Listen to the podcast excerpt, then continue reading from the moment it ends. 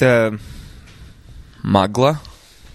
Um, gledao si mist. Da, da, The Mist. Vi Jesi siguran da je prevedeno kao magla na, na srpsko? Pa ne, ne znam kako, kako bi ga preveo. Izmaglica. E, zanimljivo je bilo zato što sa, stanovišta 2020 2021. godine na neke načine e, teze kojima se bavi su relevantnije sada nego što su bile kad je film izašao. Uh, E, I onda, znaš, kad, kad si pričao o horor žanrovima ili stvarima poput sličnih hororu, pogotovo koji su više psihološki, da ima grafičkih stvari, i uglavnom su ono anksioznosti, nacije ili populacije koje se onda preispituju kroz različite žanrove horror filmova, znaš, kad su bile serijski ubice, tad su bili slasher filmovi, znaš, sad, sad, ju, sad su uglavnom neki apokalipsu za njih, ono, um, pa za njih skoro dve decenije. Od, od 11. septembra su uglavnom apokalipsu. Da, mislim da, u stvari, to, to sam baš razmišljao, zato što je izašao 2007. A ono, dan posle sutra koji nije horror film, više akcija, ali je izašao bukvalno odmah posle uh, ono, na 11. septembra, znači godinu, dve dana kasnije. Da, mislim da mnogi od tih filmovi su u stvari preispitivanje šta bi se desilo kada celo ovo društvo a, bi se um, ono, rasturilo nekom spoljašnjom nepogodom ili opasnošću, ali ono što je zanimljivo da očigledno horror žanr nije dovoljan da dovede do nekog novo nastalog, nove nastale transcendencije i društvenog konsenzusa koji će onda učiniti tu populaciju rezistentniju na spoljašnju krizu s obzirom da sada živimo 2021. koja je mnogo slična toj prodavnici, tom supermarketu ono drugi dan nakon što se magla spustila. Slažem se. Mislim, nisam gledao film, čitao sam knjigu, generalno izbegavam da, da gledam filmove koje su rađeni po horor pričama Stephena Kinga, jer su ti filmovi obično jako loši, jer su više bukvalno shvataju izvorni materijal i obično je, što je više Stephen King uključen u snimanje tih filmova, to je film generalno loši, zato i Sijavanje najbolji film, uh, rađen po njegovoj horor priči, iako nema nikakve veze sa, sa prvobitnim, prvobitnom verzijom. I mislim da se Stephen King ono, ogradio od, od Kubrickovog filma. Ali slažem se da Mist, Leftovers, Mist i Leftovers su dve, dva najbolja uh, e, primjera. Mist kao knjiga, pretpostavljam i film, Leftovers kao serija, najbolja uh, ono, uvod i, i naznaka onoga što će se desiti kada, kada se desi nešto kao što je COVID. Zato što, ne, ne znam, vjerojatno je jako malo ljudi videlo Leftovers, uh, u Srbiji, ne znam ni kako je prevedeno na srpski, ali u pitanju je HBO serija uh, koju je radio uh, čovek koji je zaslužen za najbolje delove Losta. Uh, Za sve loše delove Losta zadužen je J.J. Abrams, koji je na kraju izgradio mnogo bolju karijeru, gle, gle čuda, ali Damon Lindelof je, je one najbolje stvari u Lostu uradio i to se vidi malo i u Leftoversima i radi se ono šta, šta, šta, šta će se desiti ako 2% populacije iznenada nestane, ono trepneš i nema ih više i kako će to uticati na, na ljude i na uređenje i na religiju i na nauku i itd. itd. i postavlja puno pitanja, ne daje puno odgovora i baš zato je jako dobra serija. I ona na velikom planu pokazuje ono što Mest radi na malom planu, jer u principu ti ljudi koji su u supermarketu, svi arhetipovi različitih likova koji su u leftoversima cele grupe ljudi i ne izađe na dobro ni u jednom ni u drugom slučaju. Ajde da da malo spoilera, ali to i nije neki spoiler jer smo videli na primjeru covid da ne izađe na dobro ni u stvarnom životu. Tako da su u tom smislu fiktivne verzije bile jako blizu istine. Da, mislim, zanimljivo je zato što svaki od likova... Mislim, i slažem se sa time da na momente film je jako dobar, uh, pogotovo u početnim nekim delovima. Znači, ima ta jedna scena kad on dolazi sa svojim sinom, znači ostavlja ženu, to je neki gradić u Mainu, pošto se sve dešava u Mainu u, u Stephen Kingovim romanima, uglavnom. Um, znači neki gradić gde svi ljudi znaju, on je ono polu outsider zato što radi za neki filmski studio, crta postere, tako da nije, he's not like the other girls, ono što bi se reklo malo drugačiji. Um, ali I ima to komšiju koji glumi lik koji glumi Pembleton ili kako već u Homicide Life on the Street, on je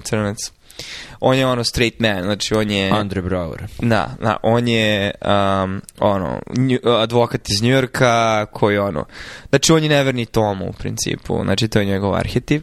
Uglavnom, taj dolazak sam u, tu, u taj supermarket i, i interakcije između ljudi, recimo to meni je bilo fenomenalno određena ekspozicija, da samo na osnovu svakodnevnih interakcija ljudi u tom supermarketu ti prikažeš u stvari ko je ko, ko je o čemu, kako je ko postavljen u tom društvu, kako na njega gleda to lokalno društvo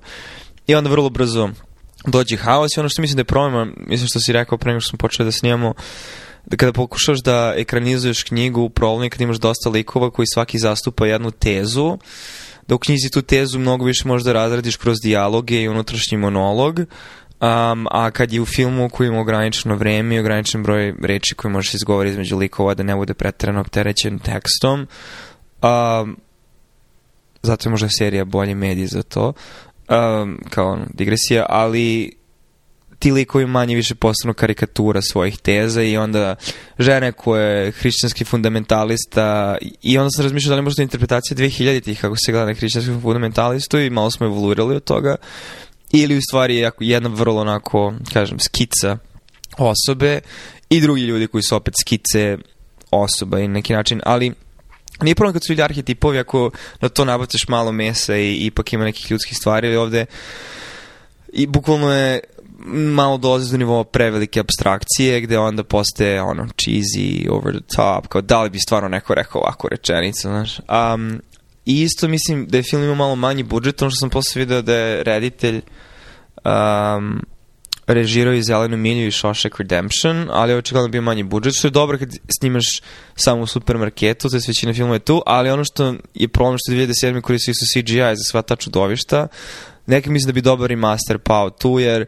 mnogo bi jeziviji bio da ta čudovišta ne izgledaju kao 2007. ono, kompjuterska grafika srednjobudžetnog filma. Ne bih ne bih radio remaster, uradio bih ponovno snimanje serije kao mini, mini serija na HBO ili Apple TV Plusu ili Amazon Primeu, Hulu, sve samo na Netflix, jer Netflix upropasti sve što dotakne, generalno. Ali šest epizoda, prva i šesta su uvod i zaključak i između epizoda koje fokusira nas na samo jedan od, od ne znam, četiri lika. Dobro, možda osam epizoda i šest likova, kako god. Mo, mo, može da se uradi nešto tako i to bi onda bilo mno, mnogo kvalitetnije i opet ne bi bio neki previše veliki budžet, jer opet sve je samo jedan studio i puno CGI-a. No. Da. Ok, zanimljivo da vodimo konverzaciju sada, zašto imam jednu tezu koju ću da onda izložim. A, e, film je označen kao Lovecraftovski,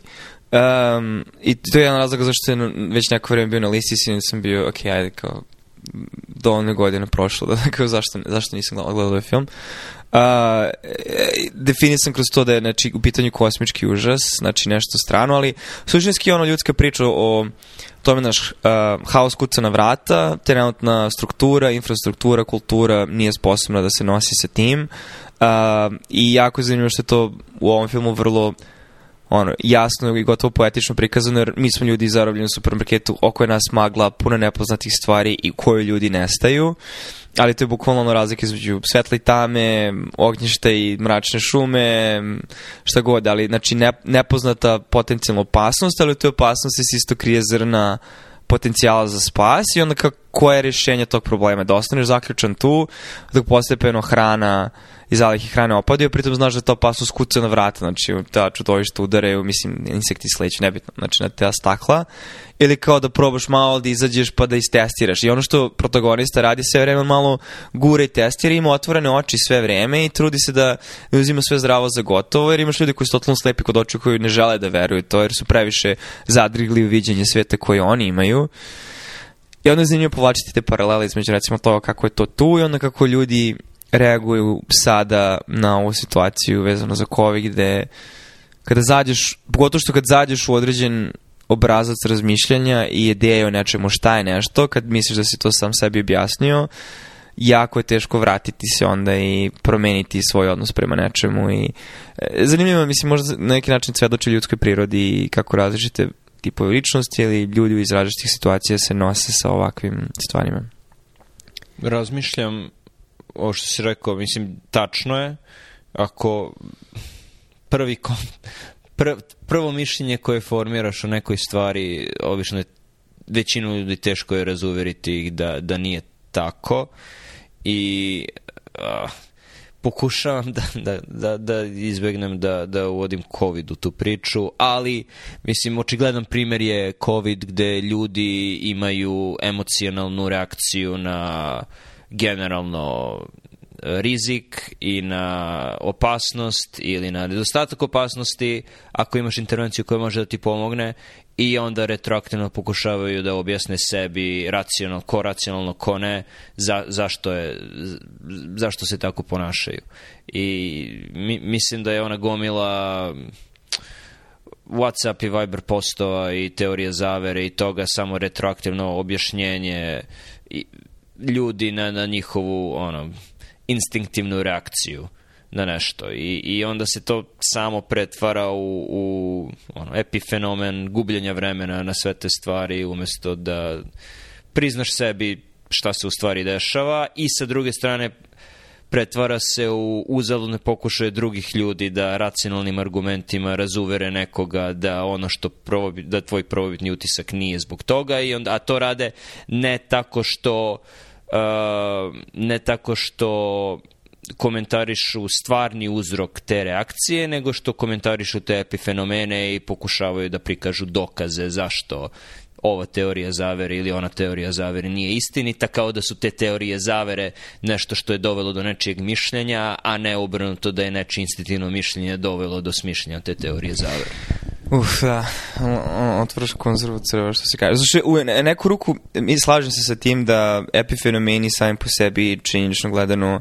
nisu stvarni i da su nad nadstrukture. Okay.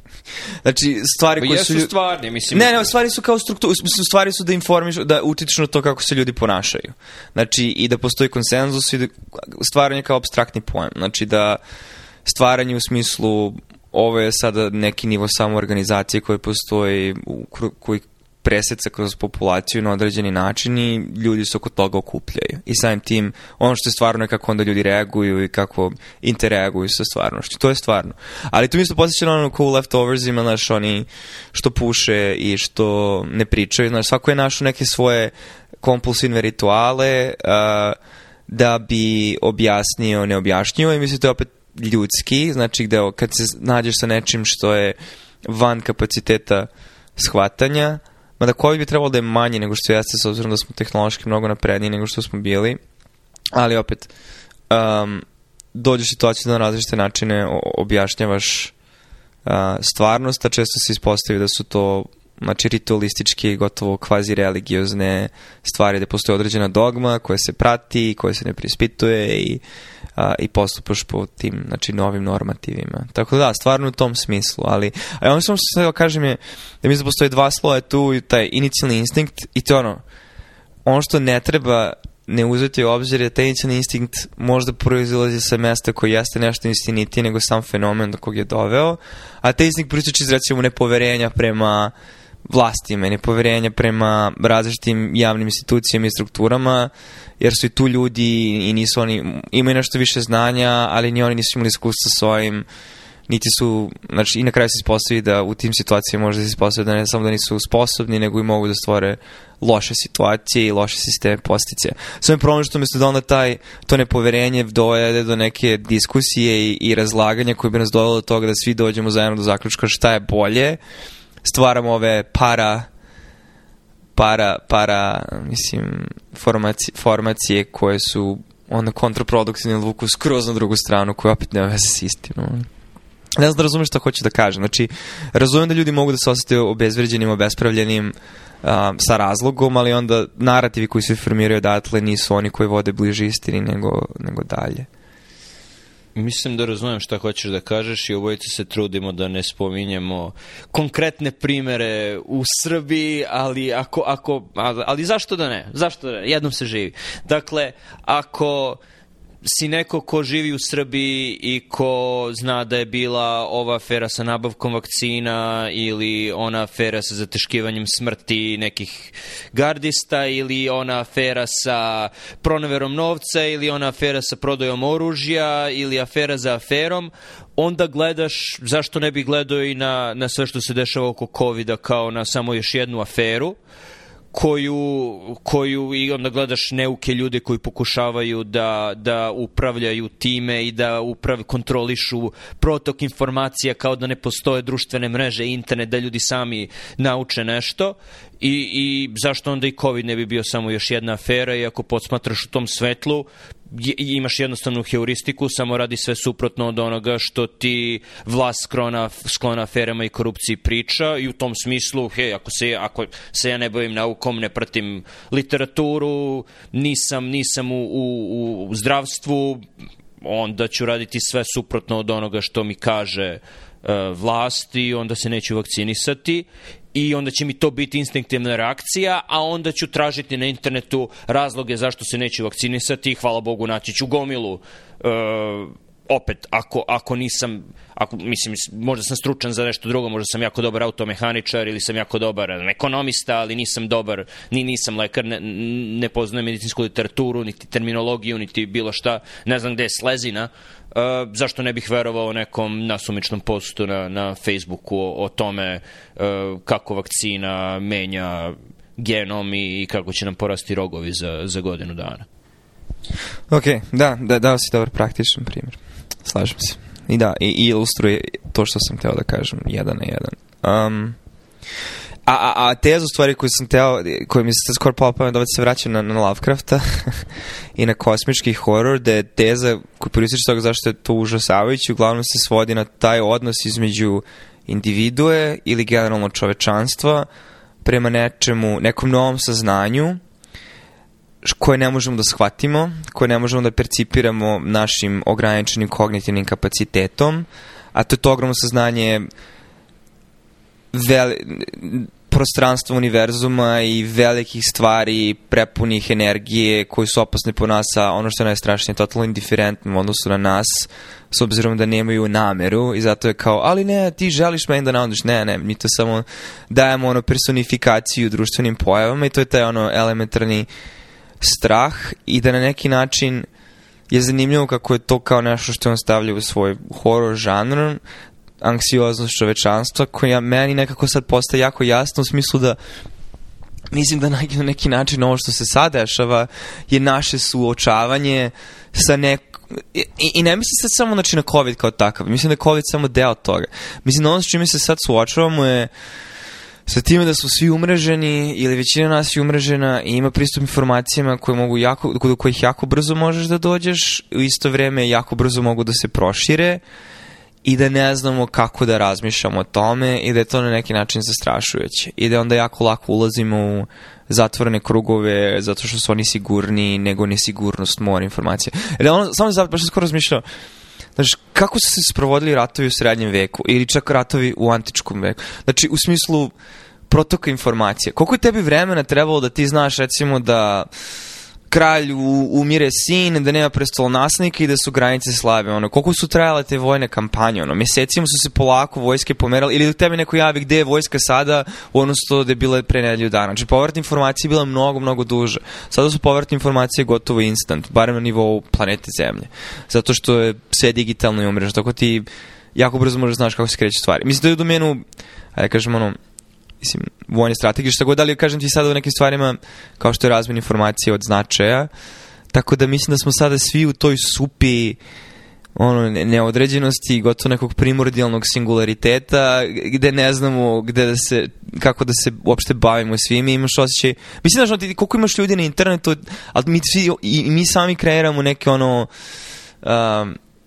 ne arhetipove, ali ono, znaš, kao, da bi sebi olakšao kognitivno, ne možeš da gledaš svakoga kao individu, nego neko nešto postoji, ti ga već u glavi smeštaš polako kao određene grupi, kad viš dovoljno postoja, već ga smestio u određenu kategoriju, ta osoba pripada toj kategoriji ljudi, a osoba pripada ovoj kategoriji ljudi, ali to uopšte nije istina, mislim, nego im previše komplikovano da bi se mi nosili sa tim i zato je tolika sad kriza i nešto poput covid kad pomisliš na nivou, koji je nivo mortaliteta, odnosno neke druge pošasti koje su zadesile čovečanstvo, svi imaju toliku psihičku reakciju koja je ono, vrlo, vrlo šizofrena. Mislim da ovde postoje dva horora. Jedan je kosmički horor velikih stvari koje su indiferentne prema nama. Kod Lovecrafta to su bili ono, Cthulhu i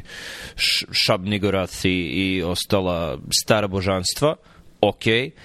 u stvarnom životu to je COVID i druge, drugi ovi infektivni organizmi koji, dobro, nisu veći od nas, paradoksalno mnogo su manji, ali su jednako indiferentni prema nama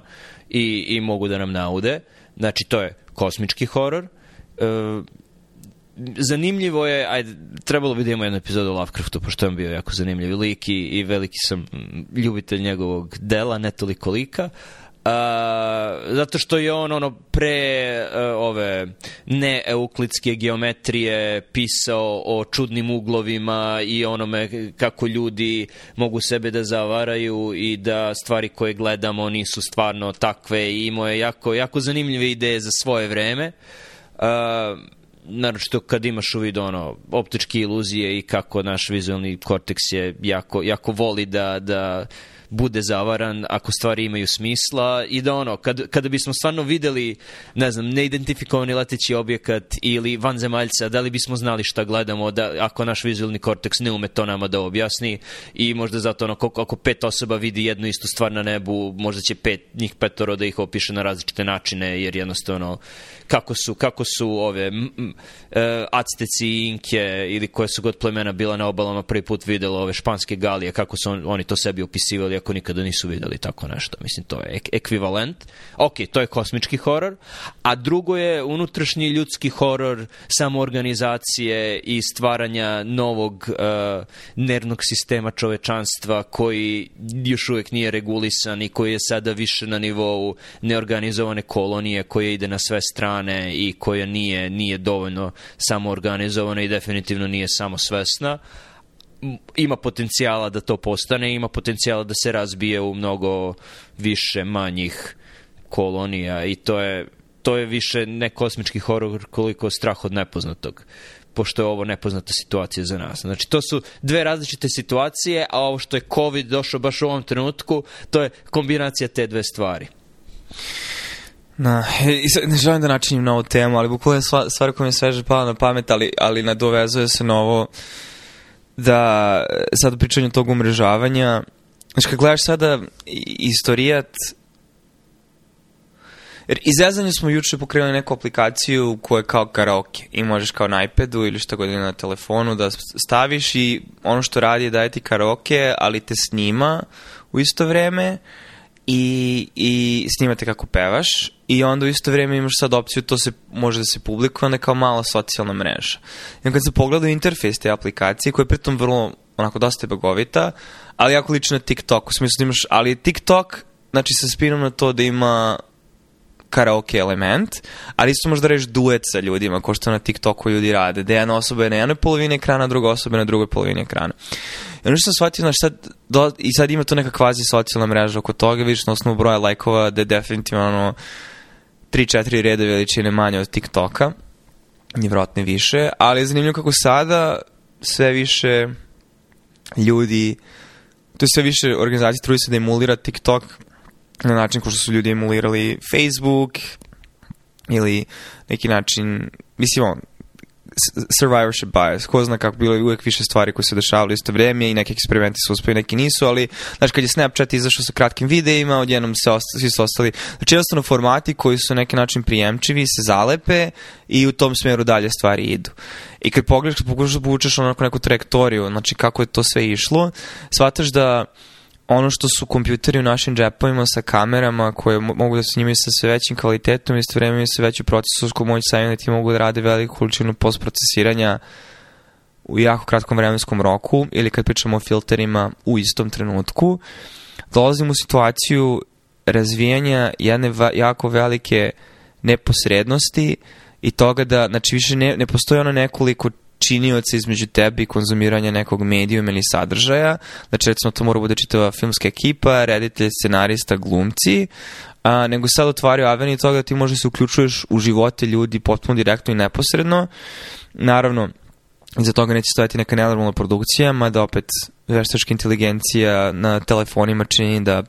neke stvari izgledaju više kula. Što tim što ti možeš da usporiš muziku i da igraš sporije ili tim što možeš da doći neki filtre, već to pravi neku vrstu produkcije da to nije samo običan video. Ali povrh toga, uh,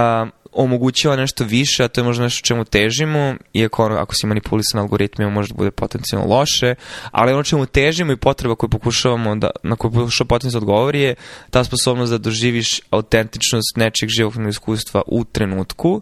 i mislim da se ta vremenska razina sve više više skraćuje, gde sa porastom, znači kad 5G bude potpuno instaliran, mislim ako nastaviš ovu trajektoriju, i telefoni budu mnogo moćniji, ti ćeš moći u jednom trenutku da se uključuješ uživo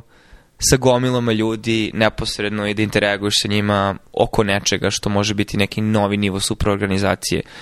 Pevanje neke pesme koje svi znaju je primer toga, ali im postoje vratno i drugi način oko kojih možeš da se... Ko što sad Zoom sastanci postoji normalno, ti uključuješ isključuješ se s ljudima, ipak i dalje postoji neka barijera, značajne, značajnije manje nego samo pre dve godine, ali mislim da ono, socijalne mreže idu ka tome da će to biti možda neki... mislim, ono, Mislim, samo ideja kao ono half-baked ili što već, ali uh, singularitet će biti ljudi prikačeni u mrežu skačući jedni drugima u život i razmenjujući... Hoće kažem, postoji mogućnost da će imati diskusije sa ljudima tako. Neposredno. Biće neki otvoreni forum nečega, da će biti hiljadu ljudi tu i ljudi će se uključiti. Clubhouse na neki način već vodi ka tome, ali zamisli imaš full HD video i dobro, metaverse može da bude aspekt svega toga da to vuče u neku trodimenzionalnost, ali ne mora. Ali čini mi se da ono što se dešava, da samo završim da ne idem ono, u na kolo, je da se trajektorija kad gledaš, sužava taj vremenski period između toga koliko ti treba da se povežeš sa nekim na drugoj strani sveta i direktno uključiš u njihov životni tok u tom trenutku. Mislim da je to istina, zanimljivo je i opasno je, jer zašto ono, stara osoba u meni pita pa ok, ali ako ti je toliko stalo da se skupiš sa puno ljudi i pevaš zajedno, idi u, ne znam, eh, kako zove, dom kulture seoski ili u neki klub ili u neko drugo veliko mesto i ima i kao zajednica priredbu, uh, manifestaciju, to je kroz istoriju čovečanstva poznato da je svako veče ili jednom nedeljno ili jednom mesečno bili su različiti redovi veličina festivala gde su se ljudi okupljali, jer su ljudi društvena bića i naravno da želiš da, da budeš zajedno sa nekima i ako radite istu stvar tako pokazujete neki nivo zajedništva, i da je bitno da imaš taj nivo zajedništva sa nekim sa kime deliš fizički prostor jer ako se to ne desi, onda rizikuješ da fizički prostor bude zapostavljen i da imaš ono lošu infrastrukturu i da živiš na lošem mestu, jer je potrebno neki određen nivo koordinacije i osjećaja zajedništva da bi fizičko mesto bilo u redu. Ono što smo mi uradili je delegirali smo to, taj osjećaj zajedništva na višu strukturu, kaži opštinu ili grad, tako da više se ne osjećaš ti kao član zajednice, nego a, opština će to da reši što se tiče čišćenja smeja smeća i, i ono toga da su ograde u redu i da su fasade u redu, o tome neka misli neko drugi, jer ja nemam ništa zajedničko sa ljudima koje vidim kroz prozor uh, i koji, koji šetaju ulicama, moje, moja zajednica, moje društvo, oni su na Instagramu, TikToku ili čemu god i mi ćemo da delimo meta univerzum, dok nam, dok nam je neposredna fizička infrastruktura u korovu sa pacovima, narkomanima i zmijama, je to bilo ono treće? Da, zmije pacionar. A jako sam isto rekao, zato što to sad se nadrazi na moju drugu distopijsku sliku budućnosti koju sad vidim. To su ono, oni, oni, oni skico postavi po Twitteru, kažeš, neko postavi nešto totalno ludački, ali onda, mislim, ovo nisam vidio na Twitteru, ali... Um, Ali kao, pa dobro, možda, možda ima malo smisla, ima neke istine u ovome, znaš, nije, nije, nije, nije sve toliko. Ali to je da, da, slažem se s time da postoji potencijalni rizik trend ka tome da zapostavljanjem svog fizičkog prostora da bi se uh, ispunjavao neke svoje um, kažem, ljudske potrebe kroz surogat stvari, što socijalni mediji već sada pokazuju da to rade, a indicije da će biti toga sve više i više, jer smo svi više online. S druge strane imaš dodatni posticaj time što druženje u okupljenjima na javnim mestima je obeshrabrivano s obzirom na COVID i sve i to sad druga diskusija koju smo već imali ili ćemo imati možda više detalja koliko ti ima smisla i ne, ovo će biti dve epizode. Um, ali sa druge strane onda, znači ta trajektorija je on, konačni ishod ili jedan od stanja sistema je bogati ljudi žive u stvarnom svetu i idu na stvarna mesta i viđu se stvarnim ljudima, jer se stvaran ljudski kontakt i dalje vidi kao nešto ultimativno. Znači, ništa nije, nikada ti nećeš moći ili nikada nećeš, mo, bit će asimptota koliko možeš da pri, približiš uh, intimnost ljudskog kontakta. Da, imat ćeš možda neku taktilnu senzaciju. Da, možda ćemo da ubacimo i neki miris, ono, dve, tri decenije sad, lupom, Ali nikada to neće biti isto kao kad osetiš ono, ljudsko telo pored sebe ili zajednicu na koncertu ili šta ti znam, ili sediš u krugu porodice, šta god.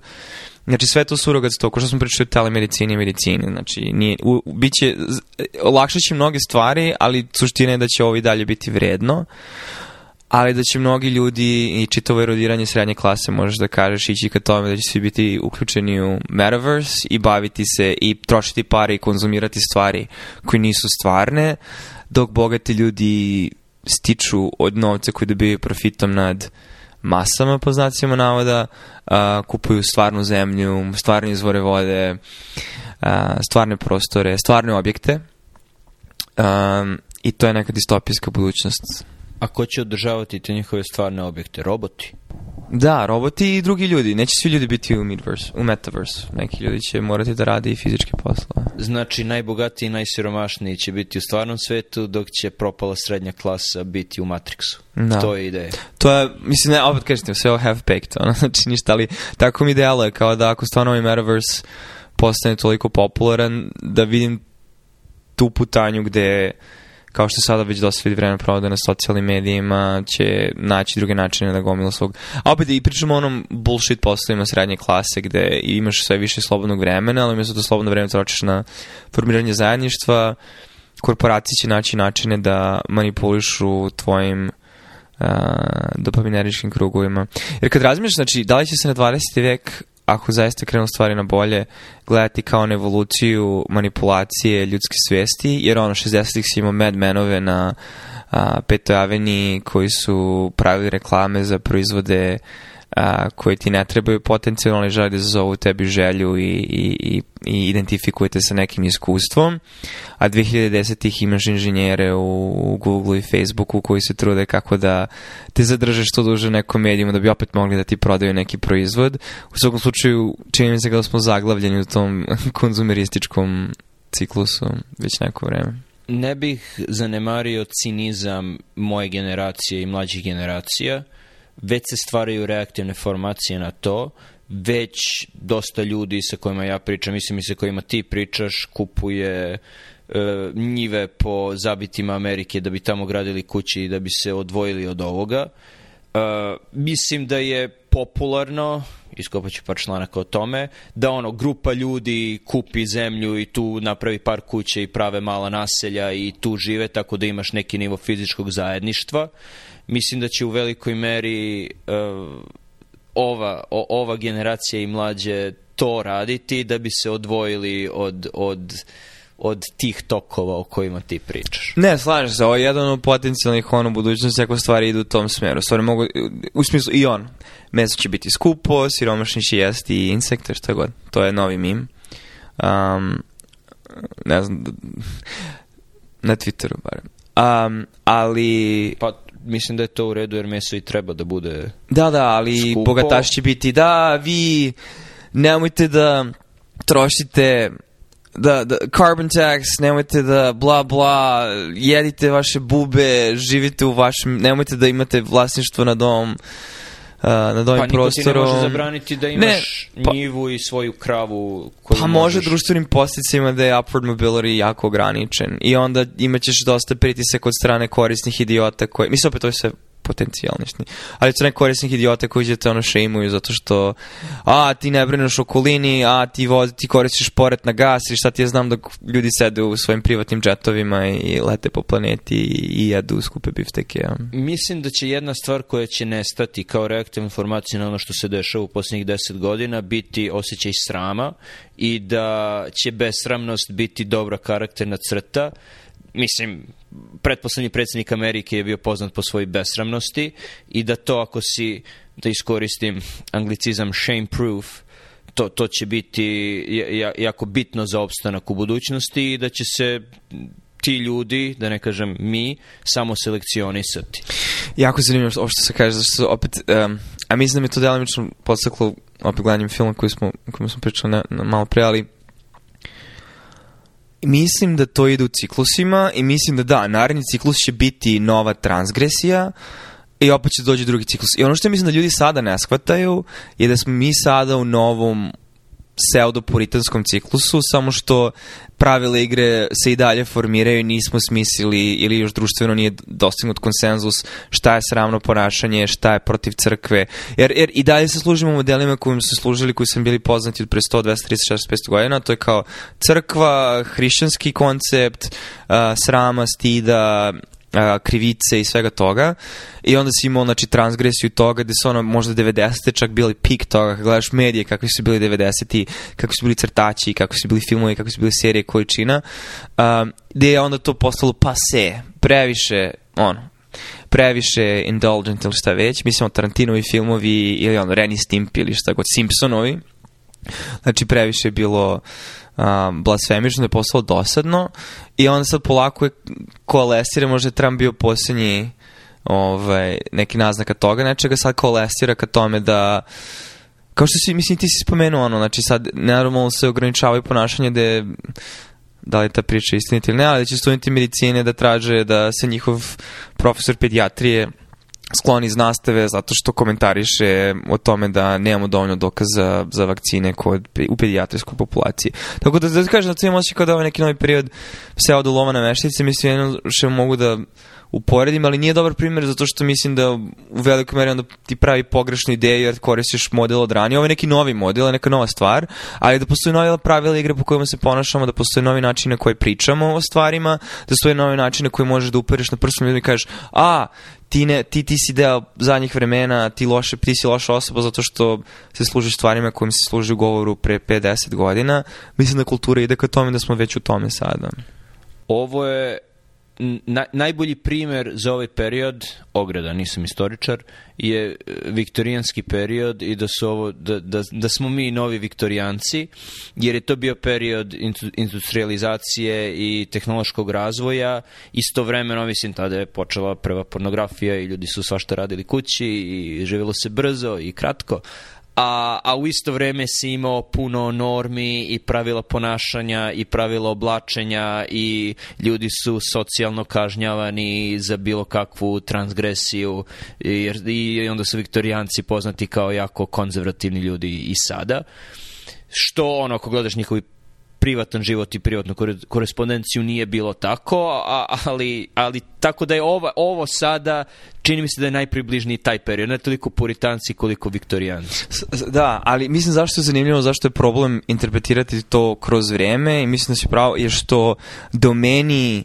a, restrikcije i nečega što definiše transgresiju se menjaju. Tako da naša ideja o tome šta su domeni transgresije sada, znaš, u smislu ti možda kažeš, pa da, ali ljudi kako se sad oblače, ljudi kako se sad, znaš, ali nije to više domen. Domen je nešto drugo. Domen je govor u velikoj meri sada, a možda i neke druge stvari. Ali za sada mislim da je najveći domen govor i kojim stvarima možda se služiš u govori kako da označavaš stvari i na koji način da pričaš o stvarima. Um, I mislim, naravno, dalje vidjet ćemo kako će se to sve razvijeti, ali slažem da će neki naredni, da će ići u cikluskim, da će naredni talas biti rešavanje svega toga. Rešavanje od ovaj, tog srama i pritiska i da je to normalan ciklus. Naravno, sve ovo što pričamo je više karakteristika Amerike, da, da. Zapadne Evrope i e, zapadnih, po navodnicima, civilizacijama, mada je ono, Australija je na istoku tehnički, ali uh, e, prilično sam siguran da uh, Srbija, Ukrajina, uh, Rusija imaju sasvim druge probleme. Mislim, možemo o tim problemima da pričamo neki drugi put. Nisam optimističan po pitanju stvari koje, koje slede bilo koje od tih zemalja preko zime sve do proleća i to će biti, mislim, u neku ruku volim da vodim ovaj razgovor jer mi skreće pažnju sa onoga o čemu se brinem da će se desiti u, u, u Srbiji na zimu i proleće. Da, definitivno. Ok, teo sam da ugram još jednu stvar, ali mislim da... Ovo, ne, kaži, kaži. Ne, um, samo zato što... Jer ne znam, ne možemo da ovoga napravimo celu temu, ali, ali se opet nadovezuju neke stvari koje smo pričali, a to je kad smo pričali o TikToku i sada novom modelu socijalnih medija.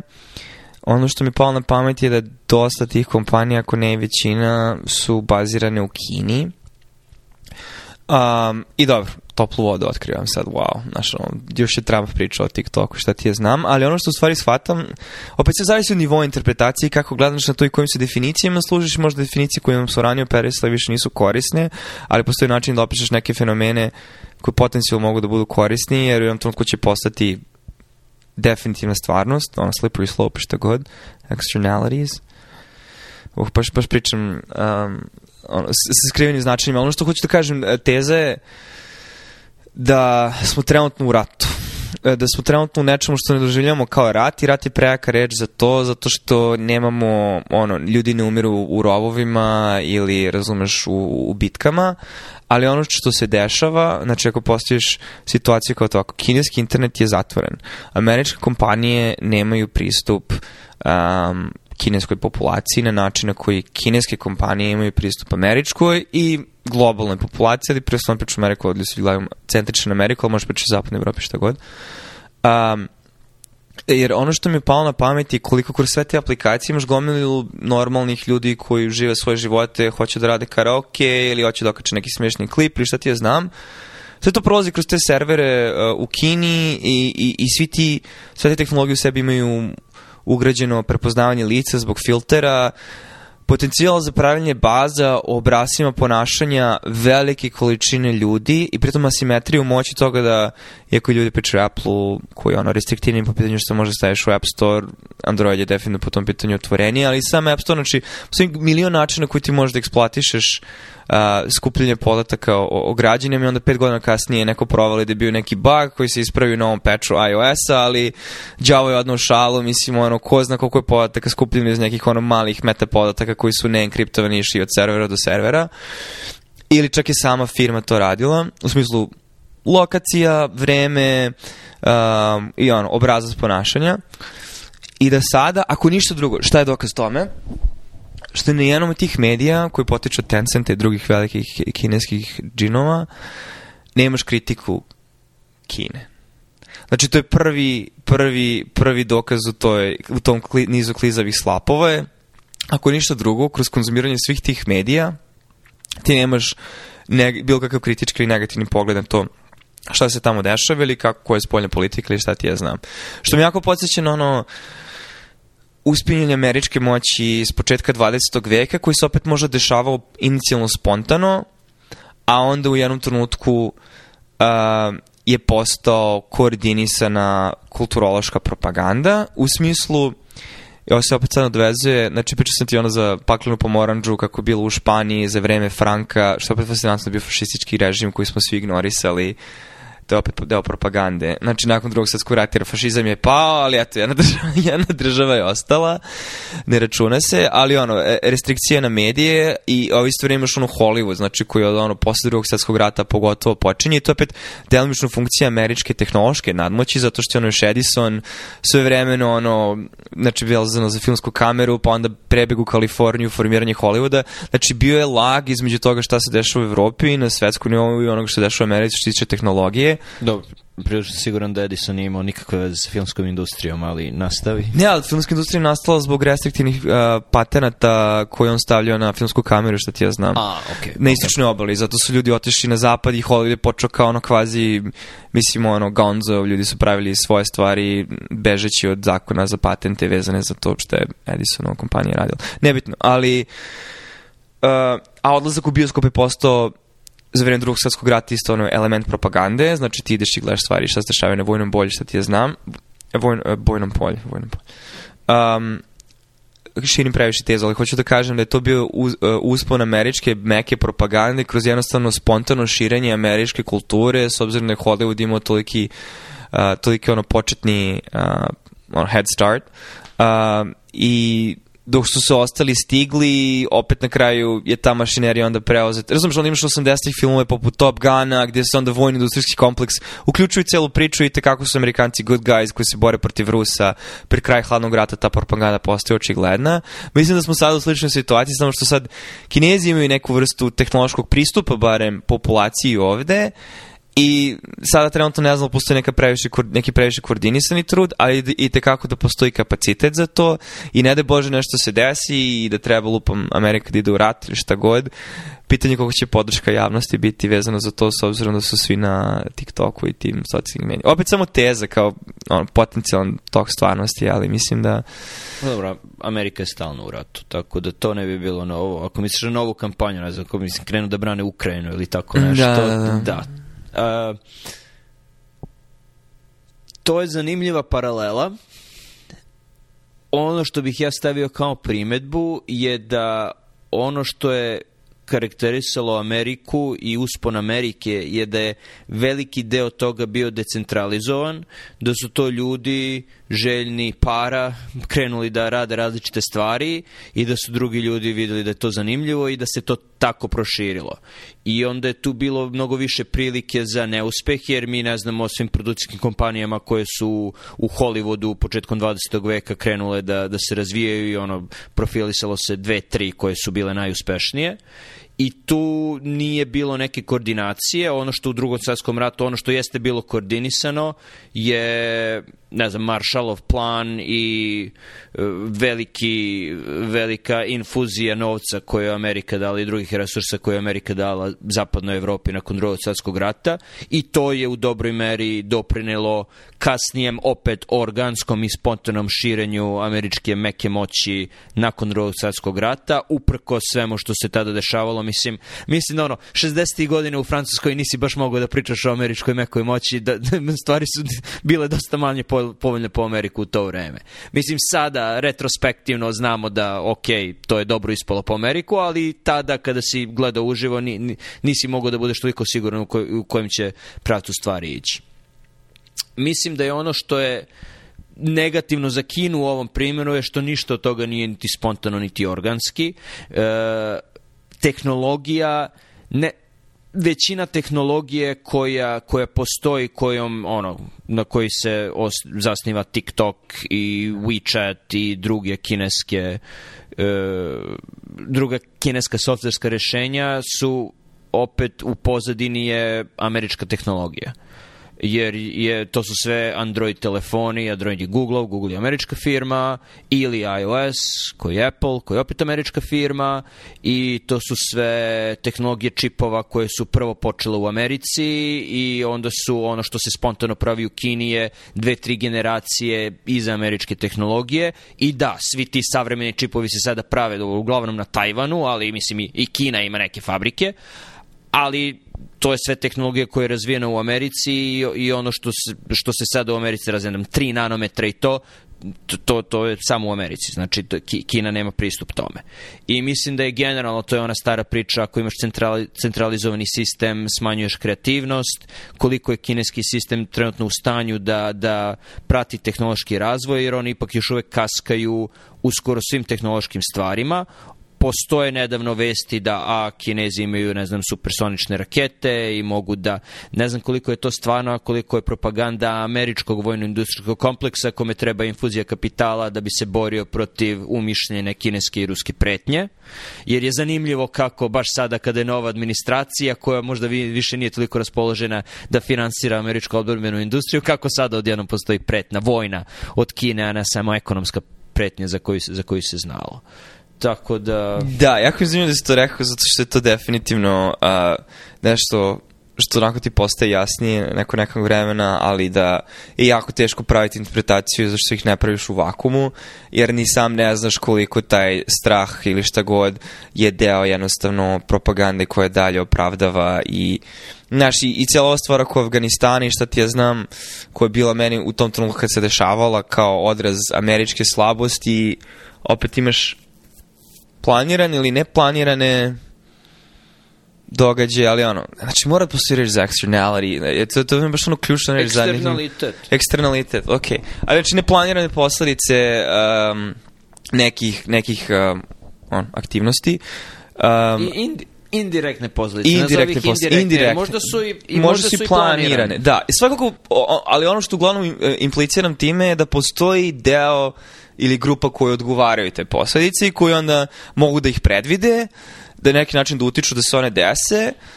a oni koji povlače te pologe možda nisu svesni koji će te posete biti i onda njima i tekako odgovaraju te posete. Tako da, da, mislim, ono pričanje o Afganistanu, američkoj slabosti, bla, bla, sad će invazija na Tajvan, sad će invazija na Ukrajinu. i Isto može bude deo propagande, nas boli dupe za Afganistan, baš nas briga kako ćemo povući malo vojsku, to su gubici koje možemo da um, istolerišemo i možda i nije loše da na globalnom planu napravimo da ovo izgleda ovako, zato što onda možemo da imamo naš novi, ne mora bude Pearl Harbor, ali može bude kao, a eto, slabi smo, ranjeni smo, moramo da se vratimo, kriza, šta god. I to onda ne možeš da znaš da li je strah od Kine stvarno toliko veliki, jer ono, ono što znamo je da su informativne službe za vreme hladnog rata i tekako pumpale moć Sovjetskog saveza koji se iznutra tekako raspadao, tako da je pitanje koliko je to i, i mislim da je to on eksperiment koji je dalje u toku, a to je Da, mislim da je to dobra kontrateza cijelo onoj prethodnoj tezi, to je da li samo jednostavno sloboda komunikacije, razvoja, sposobnosti da, da ti dozvoli da padneš ili propadneš, bez neke pretirane centralizacije, superiornija na dugoročnoj stazi u odnosu na nešto što je centralizovano, ima veću kontrolu nad samom tehnologijom i šta ona radi. Mislim da je superiorna u odnosu na opstanak ljudi koji žive u takvom sistemu ne neophodno za opstanak takvog sistema. Jer je jedna od karakteristika takvih sistema je da, da ono, se menjaju i da su fluidni i da su fleksibilni. Ono što me brine, ako ćemo u Americi, je da je on postao sve okoštali i da se sve manje menja i sve manje fluidan. Dovoljno ti da gledaš koliko je amandmana na ustav odobreno u posljednjih 20 godina, nula. Znači nisu uopšte menjali ustav, a nekada je bilo ono pet amandmana za, za dve godine se, se donese. Mada su situacija sada po pitanju demografije u Americi, geografije Amerike, tehnološkog razvoja je, ovo je naučna fantastika za ono što se dešavalo kada je, kada je pisan Ustav. I Ustav je pisan sa namerom da se menja i to što se ne menja je znak ozbiljne disfunkcije. Tako da tu treba da se zapita, zapita šta se dešava. Ima gomila ljudi koji piše o tome. Ono, nažalost, ne, ne postoji 48 sati u danu da, da, da mogu da čitam sve to, ali znam da ono, postoje ljudi koji prate to i koji su zabrinuti. Tako da, da ne, im, ima razloga za brigu i za jednu i za drugu stranu, što generalno ono, nije dobro.